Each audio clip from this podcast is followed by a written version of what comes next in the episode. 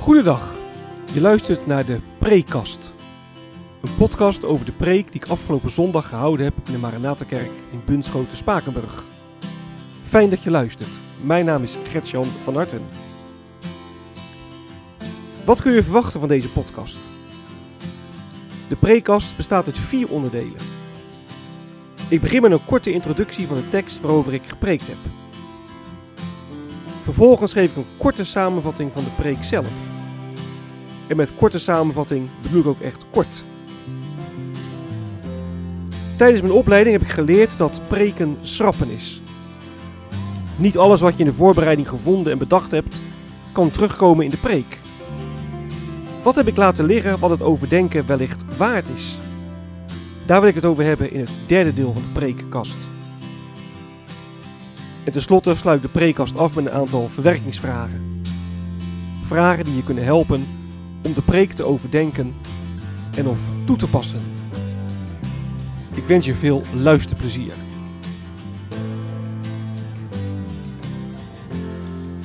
De tekst.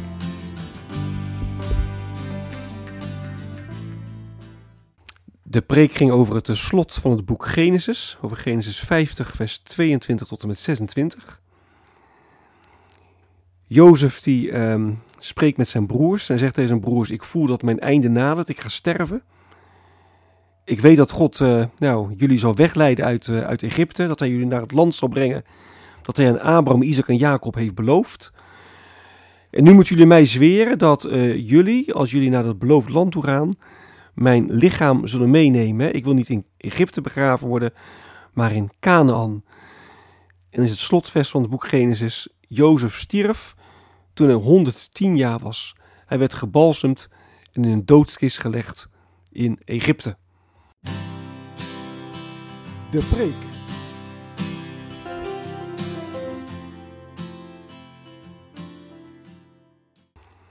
Het evangelie spreekt boekdelen.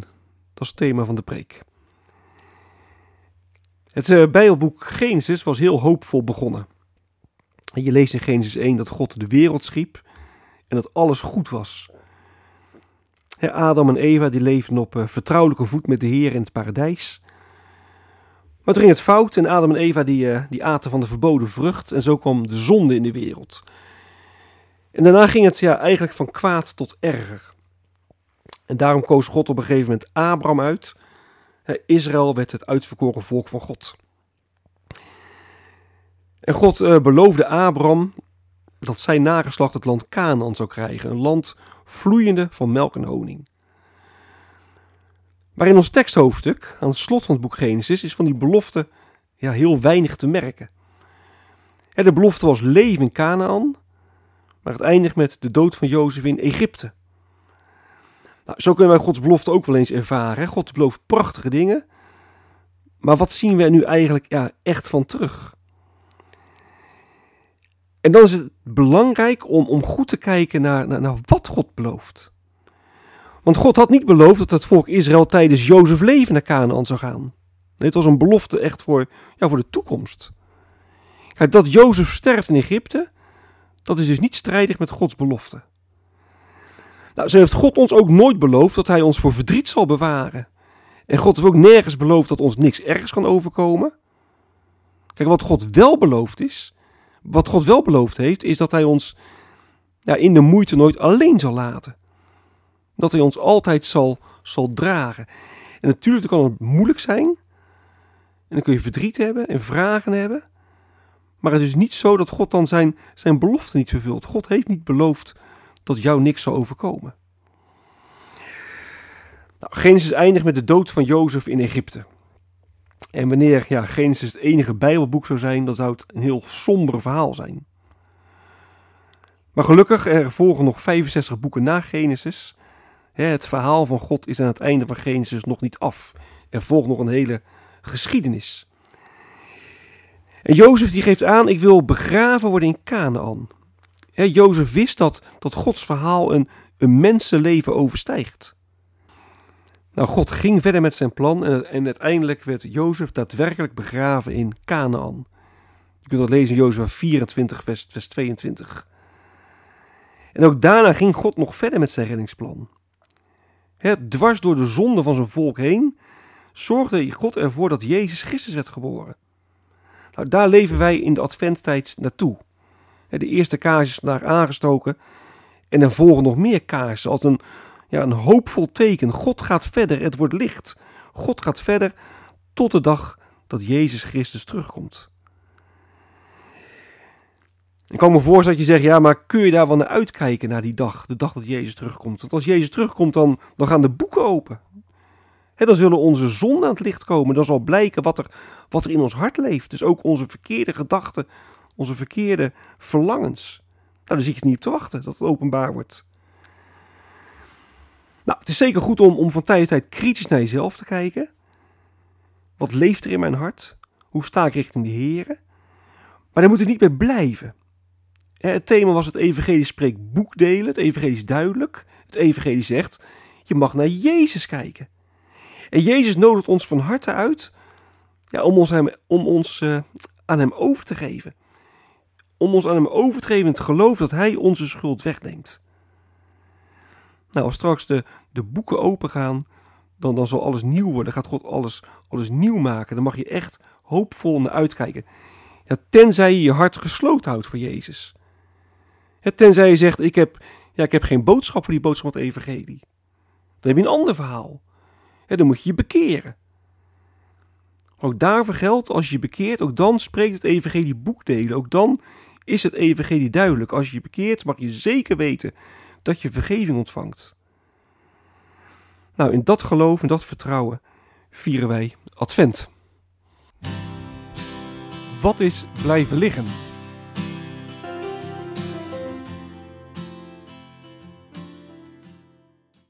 Als je een preek maakt over dit uh, Bijbelgedeelte, kun je ook uh, ja, veel meer aandacht nog besteden aan de persoon van Jozef. Hè. Je kunt Jozef centraal stellen en de preek echt helemaal vanuit, vanuit zijn uh, persoon opzetten. Want Jozef is natuurlijk wel een heel interessant persoon. Hij, hij verwijst ook naar, naar Jezus Christus. er is Jozef ontzettend veel onrecht aangedaan. Zijn broers die, die uh, wierpen hem in een put, die verkochten hem als slaaf naar Egypte. En toen hij in Egypte was, hè, toen, toen wou de vrouw van Potifar hem verleiden. Nou, hij wist de, Jozef wist de verleiding te weerstaan. En wat was zijn beloning? Hij kwam in de gevangenis terecht. Jozef heeft echt onschuldig geleden, net zoals ook Jezus Christus onschuldig leed. Maar door dat lijden ja, werd Jozef op een gegeven moment onderkoning. Hè, onderkoning van, van Egypte. En op die manier kon hij zijn eh, familie, zijn vader en uh, zijn broers in leven houden. En, en ook daarmee laat Jozef natuurlijk echt iets van, van de Heer Jezus zien. He, mensen die hem onrecht hadden aangedaan, zijn broers, zijn vijanden, daar was hij goed voor. Hij, hij vergold geen kwaad met kwaad, maar ja, hij redde hen. Hij zorgde voor hen. Dus Jozef die, die laat in zijn leven, die mocht in zijn leven heel veel van, van de Heer Jezus laten zien. Nou, Jozef die, die werd niet begraven, in, wilde niet in Egypte begraven worden. Hij wilde naar Canaan toe, het beloofde land. En je kunt zeggen, die kist die daar stond, waar zijn lichaam in lag, was een, ja, een teken van hoop, een herinnering aan, aan de belofte dat Israël het beloofde land zou krijgen. Nou, uiteindelijk liep dat allemaal uit op het, het lege graf van Jezus, die, die opstond uit de dood en zo de dood overwon. Dus ook daar kun je in de preek ja, uh, wel aandacht voor vragen, voor de persoon Jozef, die uh, in heel zijn manier van leven, met zijn optreden, met alles wat hem overkwam, heel veel van, uh, van Christus laat zien. Het tweede is vers 22. Daar staat: Jozef bleef in Egypte wonen met zijn hele familie. En je kunt ook best wel afvragen: waarom deed hij dat? Waarom bleef hij er wonen? Waarom ging hij niet al uh, naar Canaan, naar beloofde land toe? Was daar nog een hongersnood of niet? Of mocht hij niet weg als, uh, als onderkoning? Ja, we weten niet. Het volk werd in ieder geval nog niet onderdrukt in Egypte. Dat gebeurde later pas. En Exodus 1 vers 8 staat, er kwam in Egypte een nieuwe koning aan de macht die Jozef niet gekend had. En dan begint de uitbuiting en, en de onderdrukking. Maar toen Jozef dus onderkoning was, toen Jozef op leeftijd was, ja, toen had hij al met zijn familie naar Canaan kunnen gaan. Waarom deed hij dat niet? Nou, de reden weet ik niet, het staat er ook niet bij, het is dit speculeren. Maar het is wel opvallend, ook iets waar je wel over, over na kunt denken. Ik heb er in de commentaren overigens helemaal niks, uh, niks over gevonden. Nou, ik heb ook niks gedaan met vers, vers 23. Daar staat, Jozef zag Ephraims kleinkinderen nog en ook de kinderen van Magië, de zoon van Manasse, die hij beschouwde als zijn eigen kinderen. Nou, als je andere vertalingen leest, bijvoorbeeld de, de vertaling van 1951 eh, of uh, de herziene statenvertaling, dan, uh, dan zie je dat, dat er eigenlijk staat dat de kinderen van Magië op de knieën van Jozef geboren werden. Ze werden geboren op de knieën van Jozef. Dat is een hele bijzondere uitdrukking. En, en, en wat betekent dat? Betekent dat inderdaad dat, zoals de nieuwe Bijbelvertaling zegt, dat Jozef hen als zijn eigen kinderen beschouwde? Een aantal commentaren zegt hij, hij adopteerde ze, hè, die gaan dus ook mee in die vertaling. Andere commentaren zeggen, ja, dat is maar heel erg de vraag of dat dat betekent. We, we weten niet wat het betekent. Nou, is best leuk om daar, daar iets over te lezen en daarover na te denken. Maar ik vond het eh, voor de preek zelf niet zo relevant. Daarom heb ik in de preek uh, niks over gezegd. Verwerkingsvragen.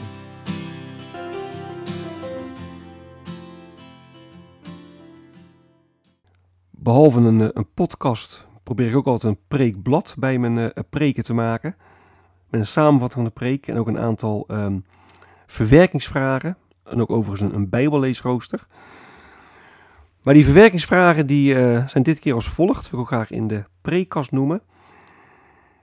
De eerste vraag is, ja, welke rol spelen Gods beloften nou in jouw leven?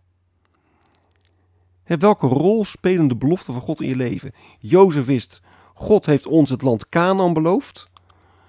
En daarom wil ik niet dat mijn lichaam hier in Egypte begraven wordt, maar daarom wil ik mee naar Canaan. Ik weet zeker het gaat gebeuren, want God heeft beloofd. Nou, welke rol spelen die beloften van God nou in, in jouw leven?